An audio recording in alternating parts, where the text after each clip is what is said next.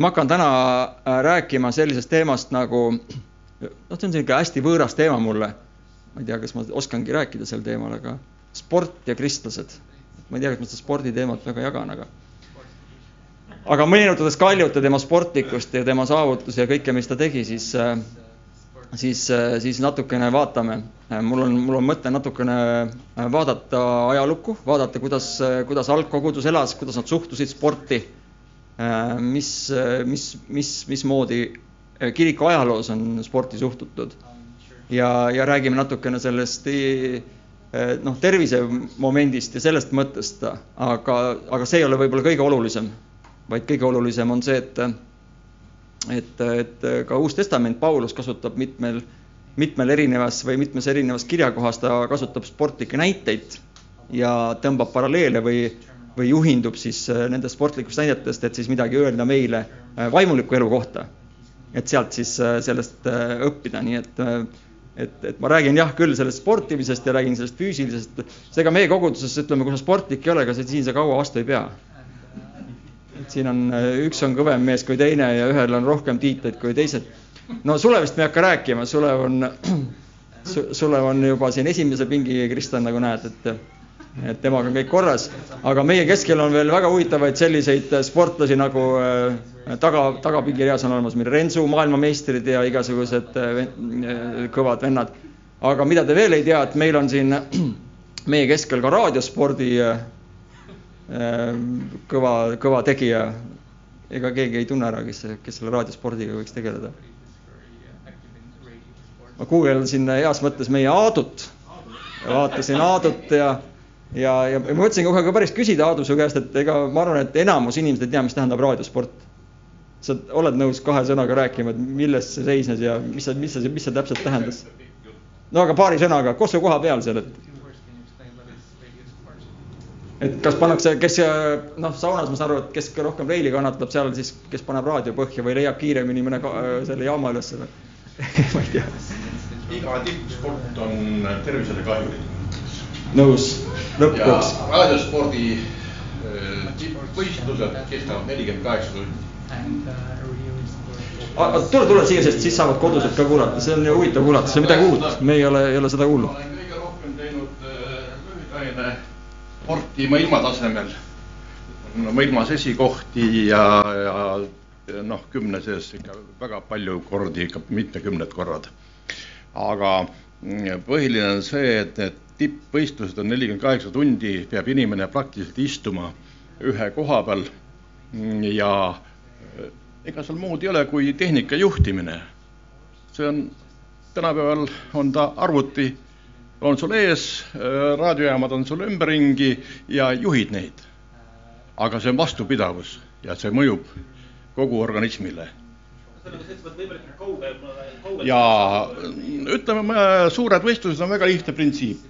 Iga side oma kontinendiga maksab üks punkt ja iga side teiste kontinentidega maksab kolm punkti. Minu isiklik rekord on minutis kakssada kakskümmend neli, kakssada kakskümmend neli sidet. ei, oma hääle, oma häälega. see on mul isiklik rekord. Ja morsega on mingisugune saja kaheksakümne kandis. minutis, minutis see tähendab, et see kümme-viisteist sekundit läheb ühe korrespondendi peale. sul on meeletu töö kogu aeg ja koormus taga teiseks, see toit äh, selleks ajaks peab olema sul väga kaalutletud, et sa ei käiks palju vetsumajas ja kõik nii edasi. Ega see ei ole niisama lihtne. Ja mina ei ole isiklikult kasutanud äh, äh toru äh, ühe igapäevaseks vajaduseks, aga soomlased kasutavad, nendele on toru toodud siia kohe kõrvale. Ja nii et äh, ja ongi väga lihtne.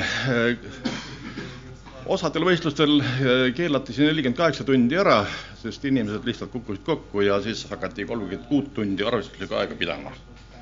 ja see kolmkümmend kuus tundi on kah niiviisi, et sa võtad ise selle aja sealt neljakümne kaheksast seast, et see kolmkümmend kuus tundi on sul arvestuslikku aega, aga ei või väga pikki vaheaegasid pidada ja pead enam-vähem jutti töötama ikkagi, aga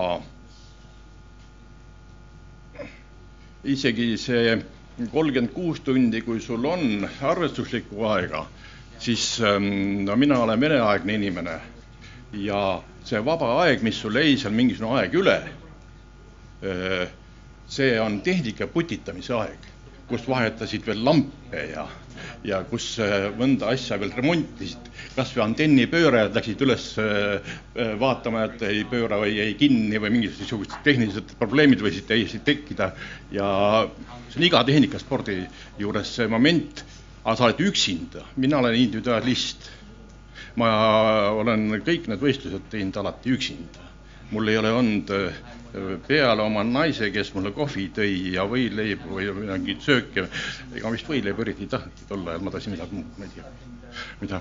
Äh, nii et äh, too, too kaks ööpäeva üleval olla ja reede õhtul näiteks hakata pihta ja siis hommikuni praktiliselt välja, nii et noh, ega see kerge ei ole.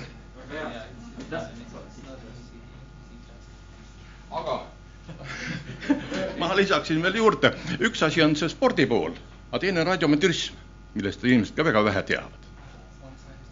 ja ma olen loomulikult, vaata, iga autojuht omab juhiluba, litsentsi, nii omab iga raadioamatöör litsentsi ja kui ta hakkab sporti tegema, siis kas või rahvarallit teeb kaasa, eks ole, autojuht, siis ta on juba mingil määral sportlane.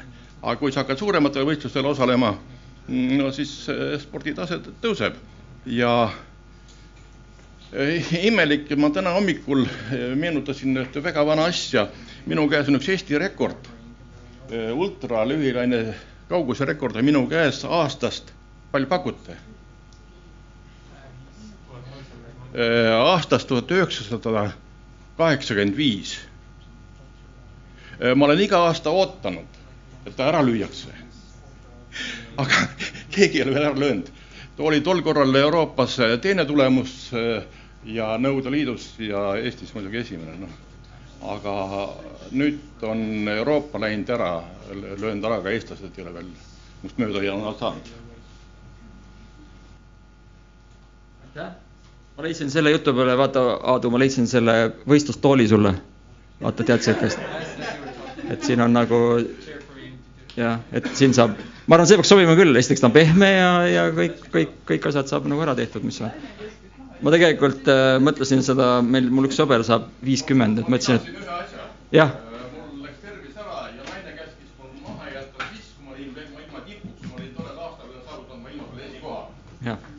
Nii et nagu te näete, et ükskõik mis spordialaga tippsportlased, need, sa tunned nad kohe ära, nende mentaliteedi, nende jutust, noh, ütleme jutust ja käitumisest ja olekust on kohe ära tunda kaugelt juba, kes on sportlased ähm, natukene sellest spordi taustast, et ma ei hakka täna loomulikult siin seda spordiloengut pidama, aga natukene vaatame piibli valguses seda äh,. mul on ühed pildid seal, ma ei tea, kas Regina saab ähm, Äh, kas keegi on äh, huvi tundnud või teadnud äh, või mõelnud, millist spordiala üldse nagu vanasti harrastati või mis, mis spordiga kokku puudeti?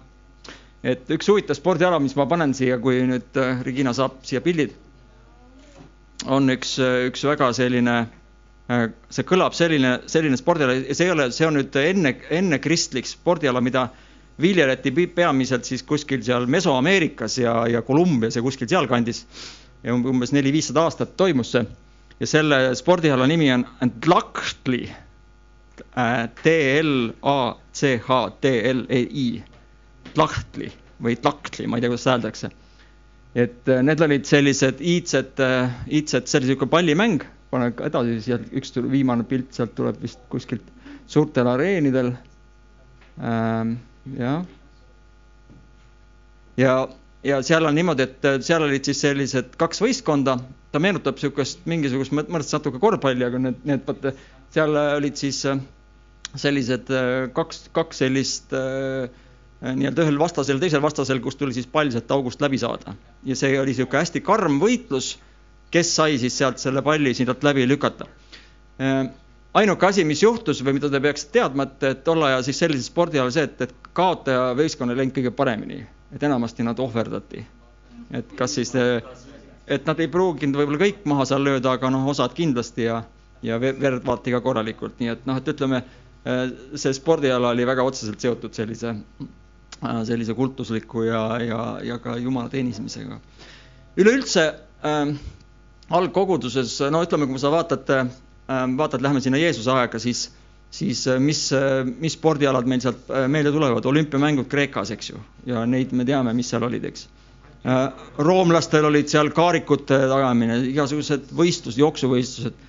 Ähm, Kreeka-Rooma maadlus tuleb sealt, eks ju, maadlused, poks, kõik sellised asjad. Aga algkogudus üleüldiselt ja tegelikult kuni ütleme isegi mitte tänapäevani, aga ütleme sinna keskajani vähemalt välja Äh, ega sporti ei ole peetud kristlikes ringkondades äh, noh, ütleme selliseks heaks, äh, heaks hobiks, millega kristlased peaksid kokku puutuma.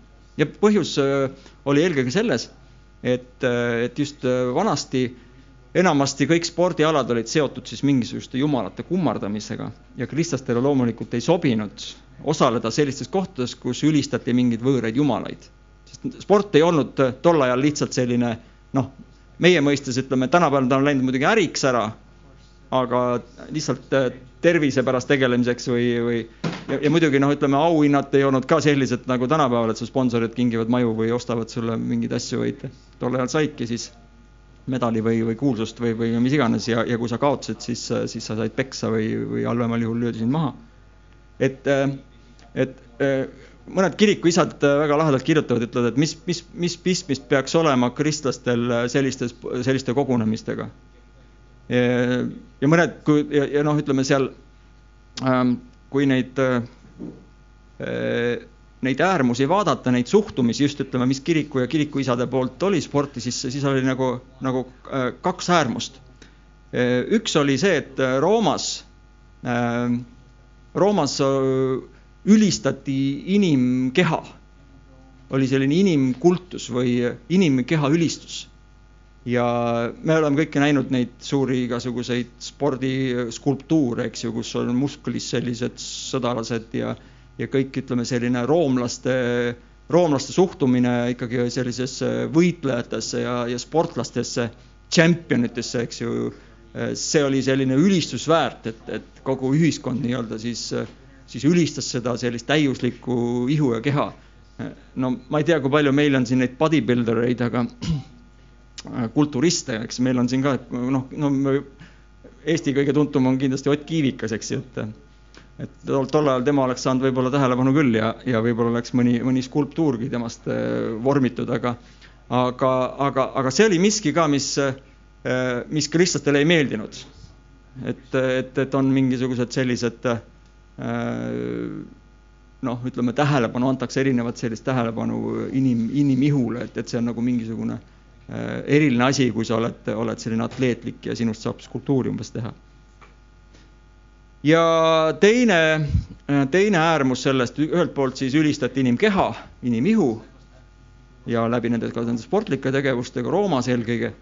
ja siis olid gnostikud, gnostikud, kes äh, kes ülistasid või siis ütleme, pöörasid tähelepanu eelkõige inimvaimule ja ütlesid, et, et ihu, ihu ei ole üldse oluline.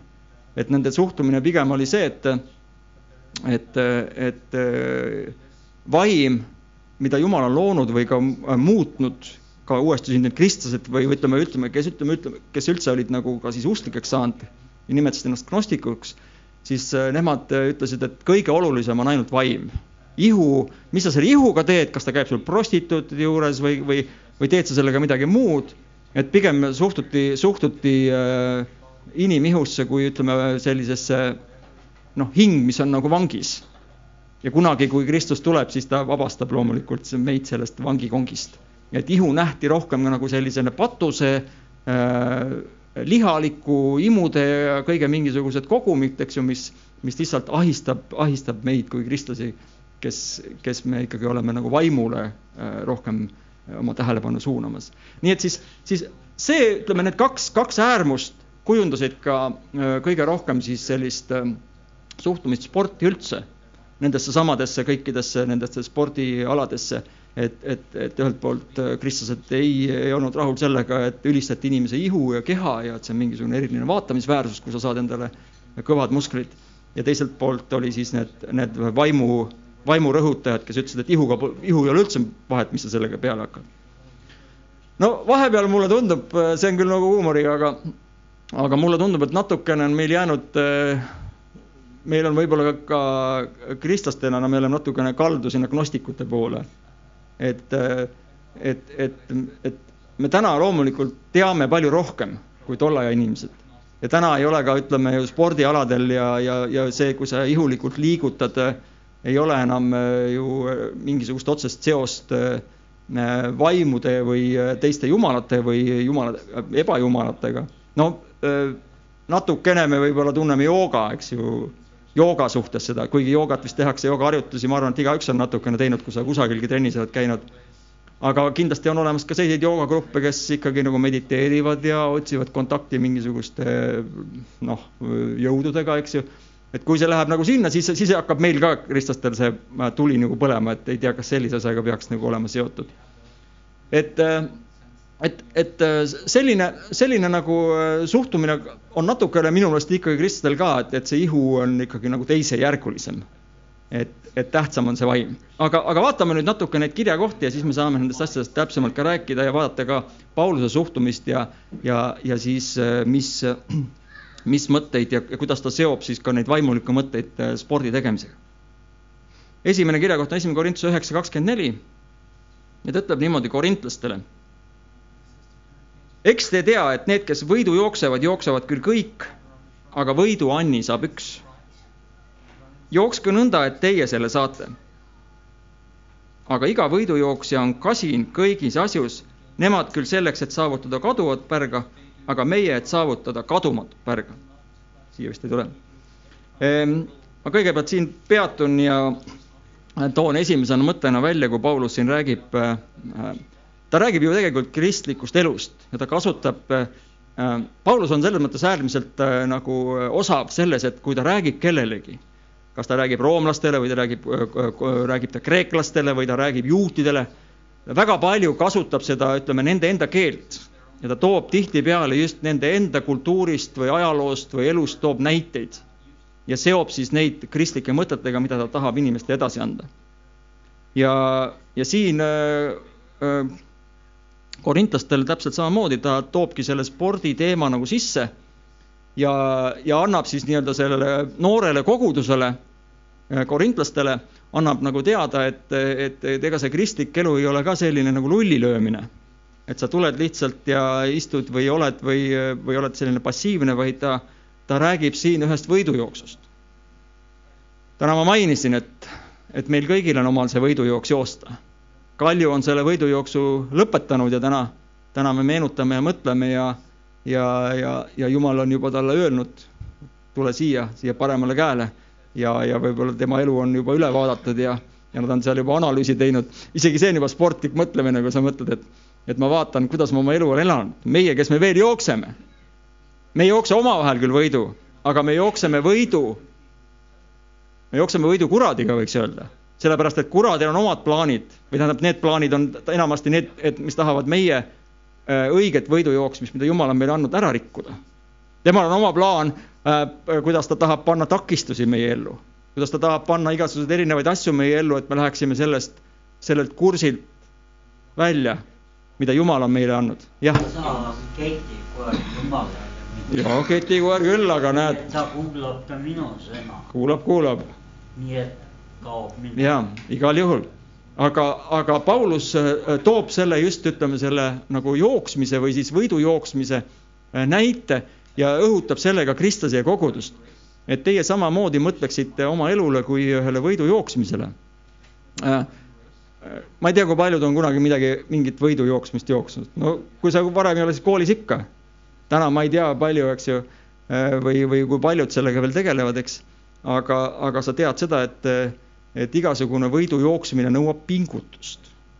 ta nõuab natukene ajusid.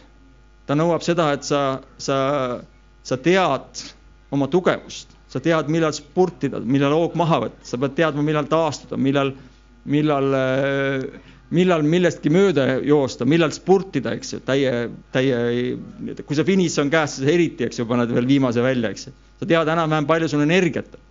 et, et seesama tegelikult mõttelaad peaks olema ka kristlasel, kui ta elab oma kristlikku elu koos Jumalaga. et sa tead, millal midagi teha, sa tead, millal sa vajad puhkust, sa tead, millal sa äh, vajad äh, palveaega, sa tead, millal võib-olla sa vajad paastu, võib-olla midagi muud, eks ju. sest siin, kui ta ütleb, et aga iga võidujooksja on kasin kõiges asjus. see kasin eesti keeles. see otse keset Jumala riiki. igal juhul. ja tema õigust ja siis saate kõike pealegi. Oh taeva pärast kalju läks sisse, noh Ja. mina tahaks ka. et seesama sõna, eestikeelne sõna kasin on natukene kasin minu meelest. ta ei, tegelikult ei äh, anna edasi seda mõtet, mis, mis siin nagu mõeldud on. Inglise keeles ja ma, ma ei vaadanud täpselt, mis see algkeeles on, aga, aga see tähendab self-control või enesekontroll, distsipliin teiste sõnaga. et iga võistleja, kes võistleb, on kõigepealt kasin või siis äh, kontrollib kogu oma elu, just see, millest, millest ma ennem rääkisin et sul on, sul on, sul on ülevaade, sa kontrollid kõiki oma elufaase, sa tead, mida sa vajad hetkel. millal on vaja puhata, millal on vaja süüa, millal on vaja närve rahustada, millal on vaja aktiivselt midagi teha, töötada. vaimulikus mõttes täpselt samamoodi, millal on sõna lugemise aeg, millal on palvetamise aeg, millal on kirikusse tulemise aeg, millal on toidupanka minemise aeg, millal on minna matustele aeg, millal on mida iganes, eks ju, millega kelle, kellelegi sõbrale külla? Jumal ütleski, kõik need palved on teie käest, kuid noh, ja et, et, et see on see mõte, mida Paulus siin Korintustele ütleb. et iga võidujooksja ja sina oled ka võidujooksja. ükskõik, mis vormis sa oled, sina oled võidujooksja, sina jooksed Jumala poolt määratud võidujooksmist. seega oled sa siis või peaksid sa olema siis kasin või siis kontrollima kõiki oma asju. Nemad küll selleks, et saavutada kaduvat pärga, aga meie, et saavutada kadumatut pärga see uus tõlge, uus tõlge räägib või tõlgib seda kadumatut ja kaduvat närtsivaks ja närtsimatuks pärjaks. et saate aru Pauluse mõtet siin?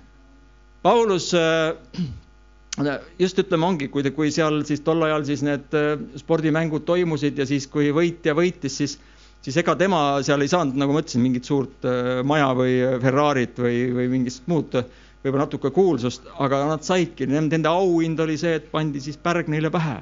või siis oli see suurem mingisugune kael, eks ju.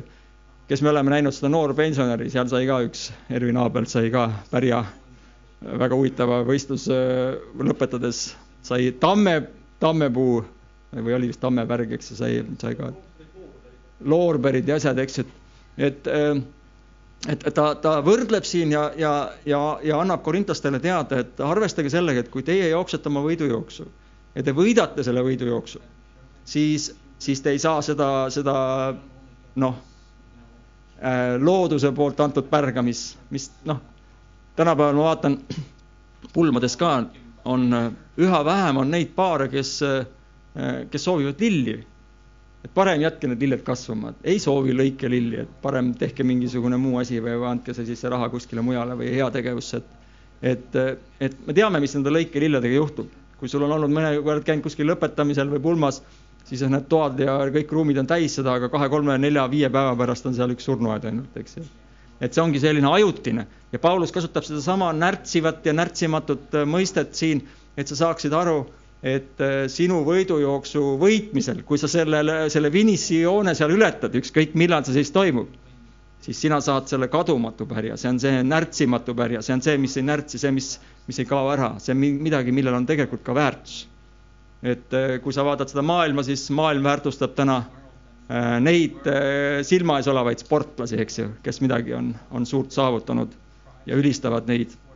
Ja kahjuks muidugi meie sport on läinud väga suureks äriks, et, et, et sellise, need olümpiadeviisid ja kõik need on nii ilusad, teinekord ma loen. kõik teavad seda ladinakeelset deviisi, mis on olümpia see põhiline, sitius, altius, fortius. Ja mida see eesti keeles tähendab? kiiremale, kõrgemale, ei ole kaugemale vale küsimus, vot see ongi hea vastu seda kuskil viktoriinis teha, sest kõik teavad, eesti keeles tõlgitakse seda kaugemale, aga tegelikult on tugevamini, forte, fortius. et äh, eesti keeles ongi ta kuidagi äh, tõlgitud kaugemale, aga tegelikult kaugemal on hoopis teine sõna. ja siis on kõik need üks noh, sellised suured, igaks olümpiamängudeks on ka veel omad sellised ilusad deviisid, mm, mis meie koos ja ühendus ja kõik selline maailma rahu ja inglise keeles on see fair play ehk siis aus mäng ja puhas sport ja ütleme nüüd, kus on palju dopinguid ja igasuguseid muid äh, asju seal. et, et eks ta on, on selline asi, et, et nii nagu ka Aadu ütles, tippsport ei ole kuidagigi ja ka kristlikus vaatevinklis ei ole kuidagigi midagi sellist, mis annaks maailmale midagi head juurde. sport iseenesest on nagu üks kinnine asi selles omas kinnises mullis oma reeglite järgi, kus siis tunnustatakse neid ja ta pakub meelelahutust siis pealtvaatajatele. aga ütleme, maailma päästmise mõttes ta ei anna mitte midagi juurde. kui mina hüppan maailmarekordi kõrgushüppes või kui, või kui odaviskes äh, Sulev teeb maailmarekordi, siis, siis see on Sulevi jaoks ja maailma jaoks ja sportlaste jaoks suur asi, aga ütleme, maailma ta paremaks sellega ei muuda ja arvestades seda, et tippspordis on loomulikult need asjad on kõik nii viimase pindi peale keeratud, et, et enamus tippsportlased kõik vaevlevad ju mingite vigastustega. ja kust need vigastused tulevad, need tulevad eelkõige sellest, et kas tehakse midagi valesti või pingutatakse natuke üle, sest kõik see, mis väga kõvasti liigub, see ka kulub. ja vanas eas me oleme siin näinud, ma vaatan siin, ma olin siin viimast korda, olin Tiit Soku seal koolitusel. nüüd tal on natuke parem, ta vist käis operatsioonil, aga tuli nagu vana inimene, kompa, kompa, kompa, kõik puusad, põlved, kõik on läbi, noh, nendel. Martin Müürsepp vist samamoodi, eks, et et kui sa vaatad teda, et siis ta on nagu ikka oma ale, alevari siis, kui ta noorena hüppas seal, pani, pani pealt ja tegi igast trikke õhus seal, lehvitas ja lasi ennast pildistada ja ja, ja, ja nii edasi, nii edasi. nii et selles mõttes mina olen nõus, tippsport kui selline, see ei ole ega ei peaks olema, ei peaks olema selline asi, mida, mida nüüd kristlased väga selliselt noh, kuidagi ülistavad. meile meeldib ja loomulikult spordivõistlustel võiks käia, eks ju, ma, ma ei tea, kui palju siin on neid, kes käivad jalgpalli vaatamas või korvpalli või, või mis iganes võistlusi ja kui meie omad inimesed siin, meie Hannes, eks ju, siin Ironmanil, see on väga suur asi, kui sa lähed teda toetama ja karjud, Hannes, Hannes, pane juurde, läheb, läheb, läheb, vaat tuleb juba tagant, eks. et, et see on nagu hoopis teine, nagu see on nagu üks osa nagu kultuurist ja kui seda tehakse, tehakse puh, puhastel ja, ja ausatel ja, ja sellistel viisidel, siis see on kindlasti äh, pigem parem kui kuskil mingit labrakat sauna taga või kuskil, äh, eks ju, korraldada. nii et igal juhul sport, äh, kui võtta tippsport välja, siis mõõdukas sport on igal juhul miski, mis, äh, mis peaks olema ka kirikus äh, ikkagi rõhutatav. me ei ütle, et ihu ei ole üldse oluline või et ihu on mõtted. kuule, kui sa vaatad, ma, ma ei, ma loomulikult ma ei tea, mida tegi, mida tegi Paulus, kui ta istus kinni, ta istus päris palju kinni. kas ta läks ka vahepeal, tegi seal väikest ah, jah, lõuatõmbeid või, või võttis seal mõne venna maksa haake, andis talle, et harjutas boksi seal või, või, või pumpas ennast seal või ega me üldse ei tea, kui, kui kõva musklimees ta oli. jah, või jooksis, tegi seal oma, oma reisi või jooksmist teha. aga ilmselgelt arvesta sellega, ükskõik milline see sinu võidujooks, kui me räägime sellest nii-öelda vaimulikust võidujooksust välja näeb, see nõuab sinult ikkagi füüsiliselt head ettevalmistust kui sa vaatad Vanas Testamendis, jah, me võime uskuda, ai, mina ei viitsi ennast liigutada. püha vaim ja võidmine on kõik see, mis, mis minuga teevad imet. jah, osaliselt see on õige, kui me vaatame Vanas Testamenti, siis Vana Testamendis oli päris palju neid kangelasi, keda Jumal kasutas, kes olid päris kõvad vennad, tuleb välja. võtame näiteks sellise venna nagu Simson. mis Simson tegi? leidis kuskilt mingi suvalise eesli lõualuu ja lõi tuhat vilistit maha sellega sealsamas mis sa arvad, et see on nagu noh, hea küll, see on nagu võigas, kui hakata seda, sellest filmi tegema või vaatama. aga mis sa arvad, et, et need äh, vilistid olid seal niimoodi, et noh, äh, mind palun, mind ja mina olen järgmine.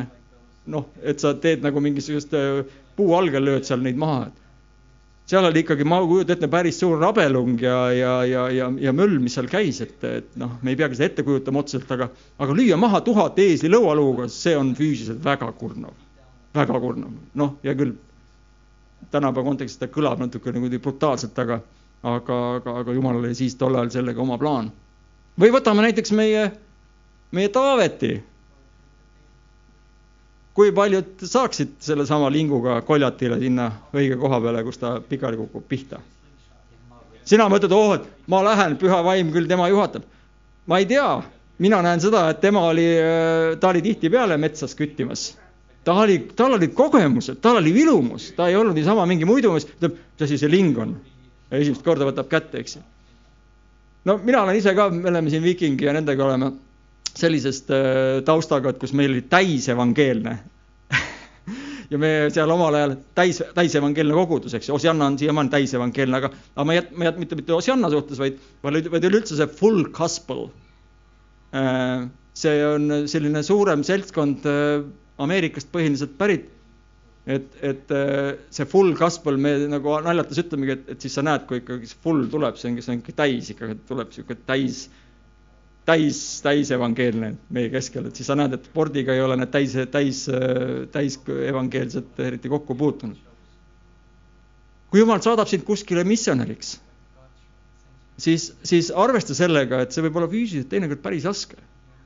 Ma ei tea, kui paljud on käinud, meie käisime kunagi Kairega käisime seal, käisime seal Krimmis ja, ja seal Krimmi tatarlaste juures ja siis käisime seal Eesti külas korraks ja ja, ja siis oli seal kolmkümmend kaks kraadi äh, oli ja, ja siis äh, pühapäevane päev nägi välja nii, et nii, et täna nüüd siin kell üksteist on siin teenistus, siis läheme jalutame siit natukene edasi, üks kaksteist kilomeetrit äh,, läheme teeme teise seal kohtumise äh, koos selle nii-öelda kohaliku ülistajaga, kes oli ilusti äh, pannud ülikonna selga ja kingad jalas ja kitarr käes ja siis, kui me selle ära tegime, siis oli vaja veel kuskil viisteist, kakskümmend kilomeetrit veel teisele poole minna. et õhtul oli veel üks mingisugune mammide seltskond ootas kuskil nende kodus, nii et me arvatavasti käisime mingi kakskümmend, kolmkümmend kilomeetrit käisime selle palavaga, pidime läbi käima läbi arbuusipõõsaste ja kõike nii edasi. ja kui sa mõtled äh,, mõtled algkoguduse elule, nende rännakud, minekud, need ei olnud niisugused luksreisid. Need ei olnud sellised, no me näeme ise seal merehädad, tormid, magasid kus iganes pidev tagaajamine. ja, ja üleüldse äh, algkogudus, eriti ka kirikuisad, ma lugesin, uurisin, vaatasin neid, neid taustasid nagu rohkem, et, et äh, et see, see närtsimatu ja, ja närtsiva pärja saamine just oli ka seotud ka märterlusega. Sest äh, tol ajal ju kristlasi ju, ju tapeti areenidel, just nendel samadel sportmängudel, eks ju, kui kas siis saadeti kiskjate ette ja siis saadeti neile järgi, eks ju, ja siis, äh, ja siis tol ajal need äh, vaimulikud ja kirikuisad siis julgustasidki kristlasi, et, et see on teie võitlus. Nemad küll saavad selle pärja endale pähe, aga teie saate närtsimatu pärja pähe. et teie, teie võidujooks ei, ei lõppe siin, kui, kui teid seal ära puretakse või, või tapetakse, vaid, vaid teie võidujooks jätkub ja see, ja see saab hoopis teistsuguse auhinna. ühesõnaga, et, et, et ka need, need mängud, mis olid tol ajal tolles ühiskonnas, siis, siis olid ka väga palju seotud just ka sellise märterlusega ja ja kui Paulus siin ka, ka kasutab neid sportlikke näiteid, siis, äh, siis, siis ta just julgustab ka selle koha pealt, et, et, et see võidujooks ilmtingimata tuleb nagu lõpetada, et, et, et ükskõik, milline see ka välja ei näeks. aga ma tulen korra tagasi selle, selle full gospel või selle, et, et äh, selge see, et, et et, et me ei lähe selle asjaga äärmusesse ja, ja, ja kirikus ei ole ka selline nagu Ähm, ma arvan, kiriku liikmeks me ei hakka kunagi tegema, et kui sa seda NATO testi ära ei tee, et siis kiriku liikmeks ei saa, eks ju. NATO test on siis, mis see täpselt oli, keegi on teinud? seal oli mingisugune nii, nii mitu kätekõverdust? oleneb vanusest, viiskümmend oleks vaja teha ikka. Jah, ja siis, mis edasi oli seal?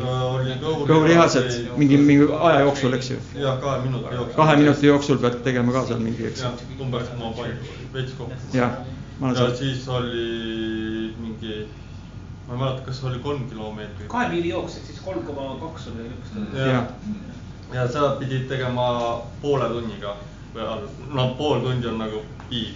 no see on okei okay.. sõltus vanusest ka muidugi. no vanus, seda küll.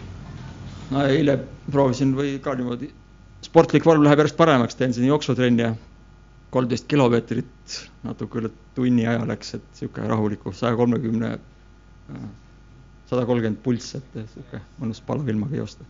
et tegelikult on see, et, et kogudusse me ei tee sellist reeglit, et sa saad hea sportliku vormiga saad tulla.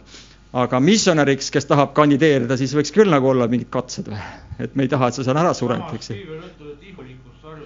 Sinna ka jõuame kohe, sa oled juba, vaat sa oled juba ajast ees, me vaatame kohe seda kirja kohta ka.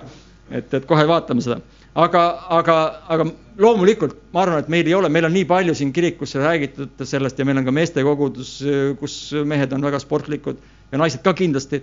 et me oleme sellest tervislikust eluviisist kindlasti väga palju rääkinud ja me oleme igas mõttes ka vaimulikuna ja, ja kirikuna jaataval seisukohal et, et tervislik eluviis, see ei tähenda, et sa pead olema tippsportlane või et sa pead jooksma, ma ei tea, pool maratoni seal mingisuguse ulma ajaga, vaid, vaid see, et sa lähed magama õigel ajal näiteks et sa saad oma une kätte, siis see kuus, seitse või kaheksa või üheksa tundi.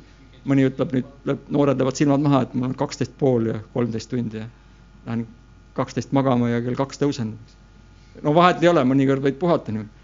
Samamoodi on, eks ju, äh, Sulev on äh, siin to toitumisega palju tegelenud ja, ja on valmis nõu andma.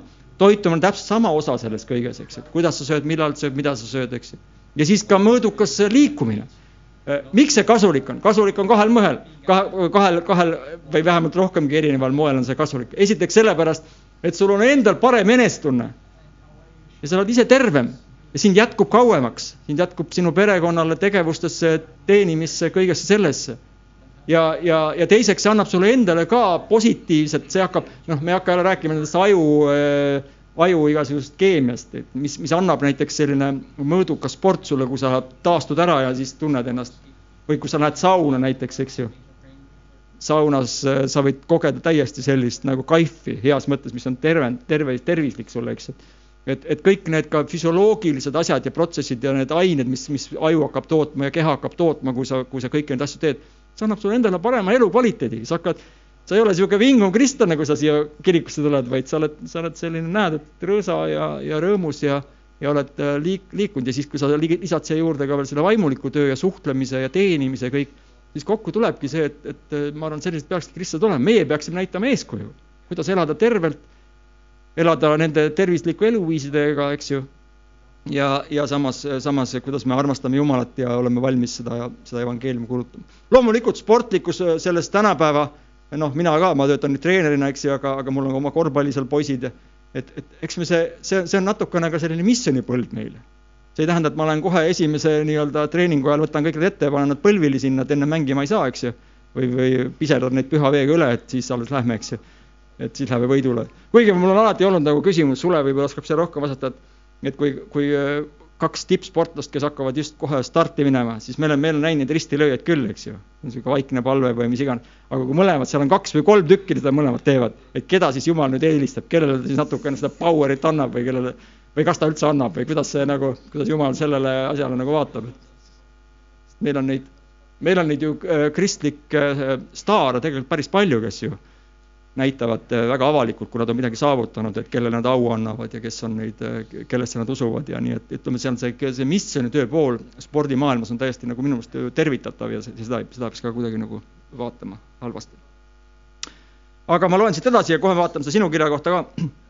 et äh, me jõudsime siin alles teise aga ma lähen kiiremini edasi sellepärast ma ei jookse nagu pimedast peast, ma ei võitle nõnda nagu see, kes tuult peksab. no siin ta ilmselgelt mõtleb neid niisugust äh, gladiaatorite või sellist mõõgavõitlust, eks ju, kes tuult peksab või ei jookse nagu pimedast peast, ta toob siia kaks erinevat mõistet sisse siin spordist, eks ju, üks on jooksmine, kes lihtsalt lahmib niimoodi, et ta ei tea, mis ta teeb, ja teine on see, et sa pimesi lihtsalt, äh, sul on mingisugune vastane, aga sa lihtsalt umbes, olete näinud, kuidas mõnikord, kes äh, eriti naisterahvad, kui nad tahavad sulle peksa anda siis kuidas nad, kuidas, esiteks nad ei oska, juba esimene probleem hakkab sellest, et nad ei oska kätt rusikasse panna, nad panevad tihtipeale, no nüüd ma annan sulle, tahad, tahad saada, ma annan sulle, siis no see, sa oled, sul on läinud hästi, sa, sul on vedanud siis jah et kõigepealt esimene asi, lähed, õpetame, kuidas panna käsi rusikasse, kuidas pöial peab lukku panema. sa tahad rusikaga mulle peksa anda, eks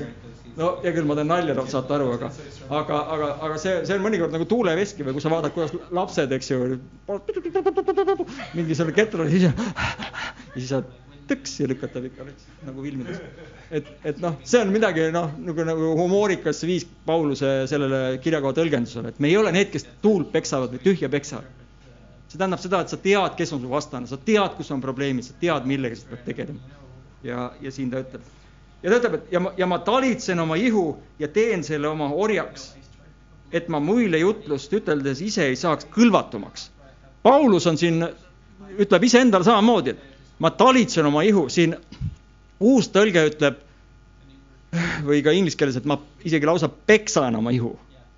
peksan, ehk siis see on see, et et, et see jällegi näitab seda, seda, mis ta siin kontekstis räägib, et, et mul on kontroll kõikide asjade suhtes, no ma olen naljaga öelnud, et et mina, eks ju, suure kaalu jälgijana, kui äh, minu keha tahab minu elu dikteerida ja öelda, et võtad ainult kaks kooki, siis ma ütlen ei, kolm, sina ei juhata mind, sina ei kontrolli minu elu. Kui mina ütlen kolm, siis kolm, sina võtad kaks, aga mina ütlen kolm. no sul võib olla võib-olla vastupidi, eks ju. igalühel on oma need kaalu jälgimise probleemid, minul on kaalu juurdevõtmisega probleeme, sellega ma pean sundima oma ihu võtma kolm või isegi neli. kuigi tema tahab ainult kaks võtta, ütleb ma rohkem ei jõua, mul on magu nii väike, ma ei, ma ei taha rohkem. kolm, neli aga tegelikult noh, loomulikult jälle see on huumoriga, aga, aga, aga Paulus ise, ta tegelikult siin selles, selles kontekstis räägib distsipliinist ja, ja ta ütleb, et ta on ka endaga, järelikult ta on olnud ka endaga väga karm. ja, ja oleme ju ausad.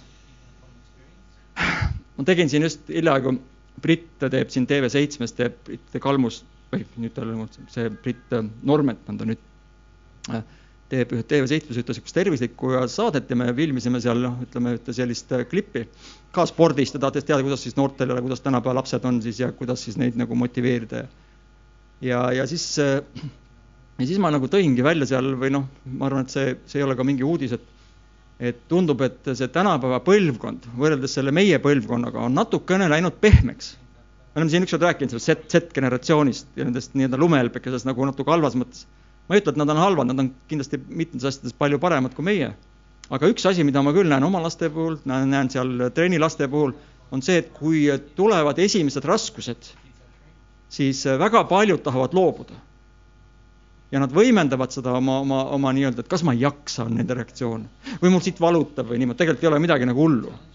et see meie põlvkond, kes me oleme kasvanud üles sovhoosi põldudel ja ja heinatöödel ja, ja, ja pidanud igasuguseid asju tegema ja kannatama ja ja, ja asjade mitteolemasolu korral nuputama mingisuguseid äh, lahendusi ja ja, ja, ja, ja sealt kuidagi kasvatad seda iseloomu. või sealt ütleme, see iseloom kasvab selliseks, et, et esimese rasku peale sa ei ole kohe valmis nagu loobuma. ma vaatan, et see tänapäeva maa, maailm ja tänapäeva noored tihtipeale esimese sellise tagasilöögi suhtes nad on kohe esimese asjana tahavad nagu loobuda trennis ka. ja siis on vaja natuke neid sundida.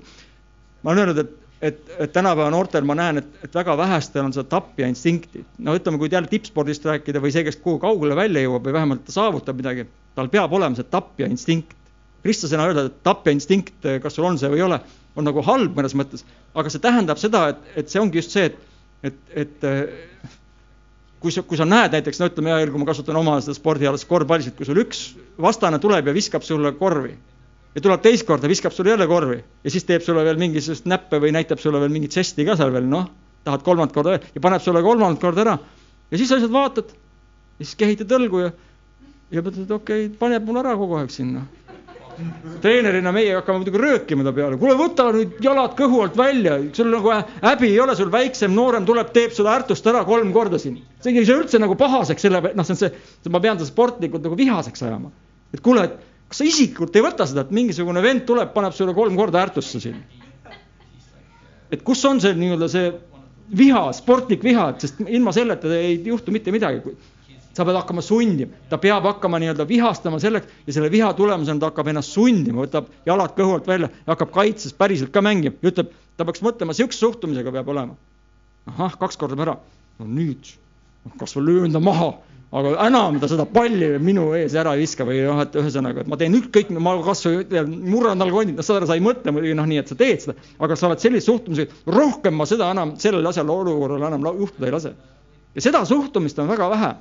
ja ütleme, kui sellist suhtumist ei ole, siis elus üldse, ka kristlasena, täpselt samamoodi, kuidas, kuidas sul on, kui sul kogu aeg sa kukud jälle sellesse samasse ja astud sellesse samasse ämbrisse ja korduvalt ja aastast aastasse ja jälle ja jälle ja siis sa oled, ma ei jaksa, ma olen nii vilets, ma olen nii õnn- ja siis sa näed neid äh, kalleid kristlasi õnnetukesi, kes ei saa lihtsalt mingisuguse pahega hakkama. no siis ongi vaja natukene õhutada sind ja Jumal õhutab sind. võta seda, võta ennast kokku nüüd, ütleme, mis asja, et, et kus sul on see tapja instinkt, mingi kurat tuleb, sul hakkab sul sinu elu siin nüüd äh, dikteerima ja sina muudkui, oi jah. Paulus ütleb, et tema on endaga karm. Tema peksab oma ihu, et kui ta teistele jutlust peab, et siis, siis, siis, siis ta ei jää ise häbisse. minul on, ütleme noh, ma ei, mitte selle enda enesekiituseks, aga sportlastel on üks selline mentaliteet, mida ma olen enda puhul ka tähele pannud. ma olen maast madalast kogu aeg spordiga tegelenud. ja minu ihu juba teab, et kui on treeningpäev või on võistluspäev või mis iganes, siis Janek läheb ja võtab spordikoti ja läheb trenni või võistlustele. ta ei hakka ütlema, kuule, võib-olla kunagi vanasti, võib-olla ta üritaks veel seda, et jaa, ikka täna on kuidagi vaata midagi söönud ka kõhus on nagu imelik, äkki jätaks täna vahele? Või et vihma sajab, kuule praegult on küll vastik jooks, praegu küll ei ole mul oleks mõtet jooksma minna. ei, ei täna on võistlus, sul on ju vaata tead siit kohast ju valutad seda veel tegite seal liiga ka mingi asjale, et ei täna vist jätab, jäta võistluse vahele, eks minul neid asju probleeme üldse enam ei ole selles mõttes, et ihu on aru saanud, et kui on midagi otsustatud, siis läheks, minnakse, võetakse spordikott ja minnakse trenni või võistlusele. ja ihu on äh, lakanud äh, nii-öelda vastu töötamast selles kohas. aga see on aastatepikkune treening, kus ta saab aru, et siin ei ole mõtet vaielda, siin ei olegi vaidluskohta, kui on trennipäev, võistluspäev, siis minnakse iga ilmaga, igas olukorras.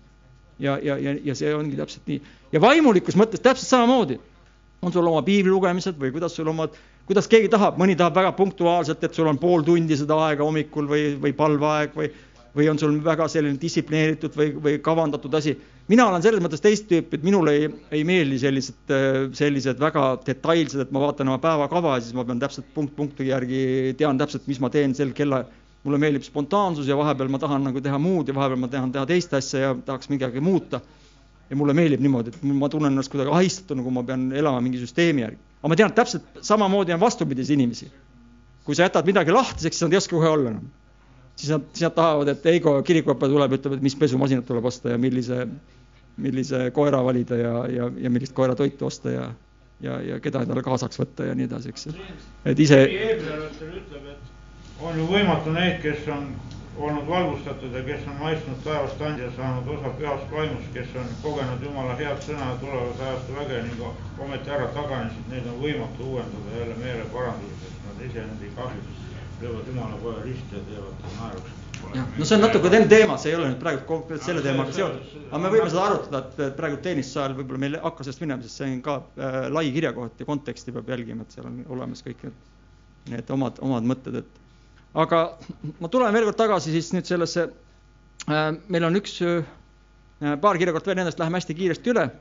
aga ma arvan, et see on nagu see põhiline kirjakoht, mis, kus Paulus, te näete, kuidas ta kasutab spordi kohal, ütleme spordi neid äh, mõtteid ja, ja, ja toob äh, ja tõmbab paralleele siis meie kristliku eluga ja siit, siit, siit on tegelikult väga palju õppida siis esimese Thessalonika viis kakskümmend kolm, me ei pea sinna keerama hakkama, aga siin on siis see tuntud kirjakoht, kus öeldud, et kogu vai mingi ihu säiligu laitmatult.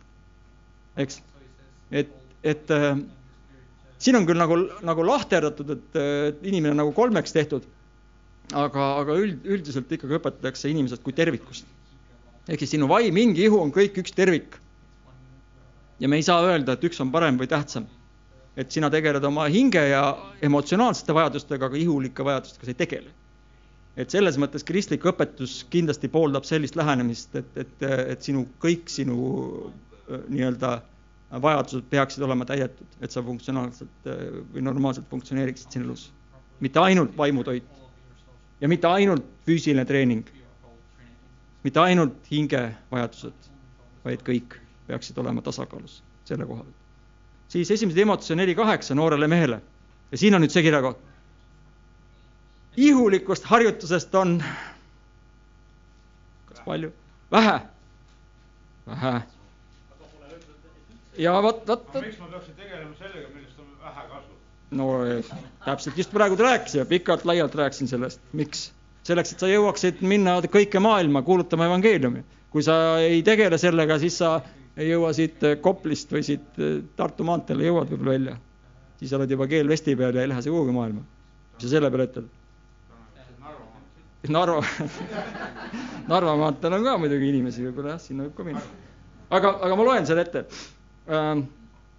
Kui sa äh, seda vendadele ette paned, oled äh, sa Kristuse Jeesuse hea abiline ja toidad ennast usu ja hea õpetuse sõnadega, mida sa oled järginud. ent kõlvatumate ja vananaiste vada väldi, vot nad see, see on võib-olla ka, mida tasuks mõelda.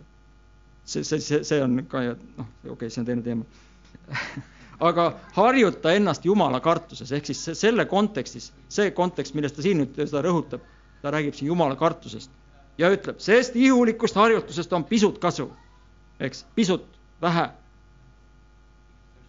aga Jumala kartusest on kasu kõigile asjadele ja sellel on käesoleva ja tulevase elu tõotus. ehk siis ta ei ütle seda, et iga, iga inimene, iga täna arst, iga täna, tänapäeva arst saab ju aru sellest, et, et füüsiline liigutamine, sest on kasu. võrreldes siin selles kontekstis, võrreldes Jumala kartusega on sellest vähe kasu. Jumala kartusest on kasu kõikidele asjadele. aga üks ei takista teist.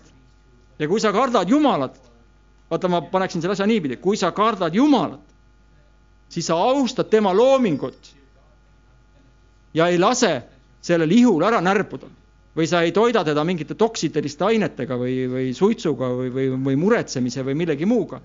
teadlikult. ma olen alati öelnud, et ma olen väga nagu vihane mõnes mõttes nende inimeste peale, kes eluaeg tõmbavad oma Bellamoori või mis iganes suitsu, eks ju. ja siis, kui on mingisugune südame või noh, ütleme kopsuvähk näiteks või kopsuvähki kahtlustus, siis nad lähevad arsti juurde, et tehke mind terveks. tahavad mingit imet saada. ja siis põhimõtteliselt tehakse siis terveks või, või siirdatakse uus süda või, või, või eemaldatakse see vähk sealt või mis iganes, nad lähevad ikkagi, panevad edasi jälle. et see on ju tegelikult ju täitsa ju lollus. samamoodi, et sa, kui sa paned auto mootorisse, valad bensiini ja liiva, liivasegu näiteks ja siis, ja siis, ja siis, ja siis lähed, kui vaatad mootoritöötajat, tehke see auto korda, aga pärast ikka samamoodi valad bensiini ja liiva mõlemad sisse sinna. et, et see mõnikord see ongi, kui sa oled jumala kartlik, siis sa austad nii vaimu, hingu kui ihu, aru saades et Jumala, sa oled Jumala instrument, sa oled tema astja. ja tema tahab sind kasutada, aga ta ei saa sind kasutada, kui sul on närvid läbi, kui sa ei jaksa, sul pole võhma, kui sul on kõik oma elu asjad on sassis, eks ju. Kõik, kõik need asjad, need füsioloogilised asjad peavad olema samamoodi korras. nii et, nii et selles mõttes sellest on vähe kasu ainult, aga Jumala kartust on kasu kõigile asjadele. ja Jumala tarkust, aru saada, et sa oled tervik, sa oled Jumala loodu, sa oled looming, sa oled tema järgi loodud ja sa peaksid austama samamoodi teda oma ihus ja mitte seda ihu hävitama teadlikult. muidugi meil on haigusi ja meil on kromosoomid ja meil on geeni asjad, mis tulevad pärilikkusega meile ja igast asju siin elus juhtub, nii et need on, see on nagu okei okay.. Nii et äh, võtame need äh, mõtted lihtsalt siia kaasa, sest me, me arvame, et me ise tahame ikkagi olla sellised sportlikud ja, ja, ja, ja jah. üks mees oli haige ja ootas kolmkümmend kaheksa aastat vee liikumist Jeesus tuli ja sai terveks. no power küll. ega ime, imesid on ikka vaja, ma nagu ma ütlesin, asju on elus, mis juhtub ja ja, ja on osa asju, mida ainult ju spordiga ja sa ei saa ju nagu või, või tervislike eluviisidega nagu vältida või parandada. aga, aga, aga jumal teab ja igal inimesel on omad, omad juhtnöörid tema käest, kuidas, kuidas neid probleeme lahendada meie elus, kui need peaksid juhtuma, nii et imesid on ka vaja. Jeesus tegi ise ka imesid. aga, aga, aga ta ei eelda ega oota, et, et inimene ainult imed, imedest elaks. aga ta ütleski, kui te imesid ega tunnete. Jah, seda küll. narkomaanile ütleb ju ka, et kuule, et ära ja sa süsti enam, eks ole, on siis kasu midagi või? jah, no igal juhul nagu näete, meil mõtteid on, et, et me siin saame, saame veel pärast võib-olla arutada, rääkida nendest asjadest, aga aga ma lõpetaksin selle siis teema sellega, et et äh, minge välja. ma arvan, et personaaltreener Sulev ütleb samamoodi, minge metsa, metsa kas jalutama või sörkjooksu. vaadake, mis te siin laua peale panete ja ujuma ja täpselt äh,. vähem nendes igasugustes äh, neti ja nutiseadmetes, eks ju, mis on tänapäeva, eks ju, selline raske, raske väljakutse sellele põlvkonnale. ja, ja, ja vaatame, väiksed asjad väiksed muudatused oma elus juba mõjuvad päris, päris äh, kiiresti ja, ja, ja lõpuks, kui sina oled rõõmus, siis me oleme ka kõik rõõmsamad, nii et, nii et jah, Jüri. mul on praegu tuli ja meenutus, et anna, andke andeks kogudes, et nüüd, kui ma olin olukorras, mul oli naaber, kes oli ka insulti ja tal oli vaese, vaese pool äh, arvutus. ta, teda pani jonna peale, ta hakkas käima isegi sai absoluutselt sotsiaalkorteri ja samamoodi nagu äh, Janne Kurt ütles, äh, ta hakkas bensiini koos liivaga sisse panna endale. ja jälle hakkas jooma ja sõitsutama ja, ja läinud kaua aega mööda jälle ilmselt ja jälle ja, ja tuli hoolikusse seal me, meie oleme koos temaga kolm või neli aastat umbes niimoodi. teen ta siis järgi ka hakkas alkoholi tarbima ja sõidutama ja läks toast välja suhted tegema, tagasi juba tooditada. kas on sellest, seda vaja, kas on sellest mõtet? vastavalt võimetel täpselt, et äh, igaüks, kes ta on ja mismoodi ta on, eks ju, ja mida, mida saab teha, seda tõesti teha, aga, aga neid lollusi ja rumalusi, mis inimesed hävitavad, no vaata, mis selle tulemuseks. See, see tulemus ei too midagi. aga olgu äh,, tõmbame sellele teemale siis äh, praegult joone alla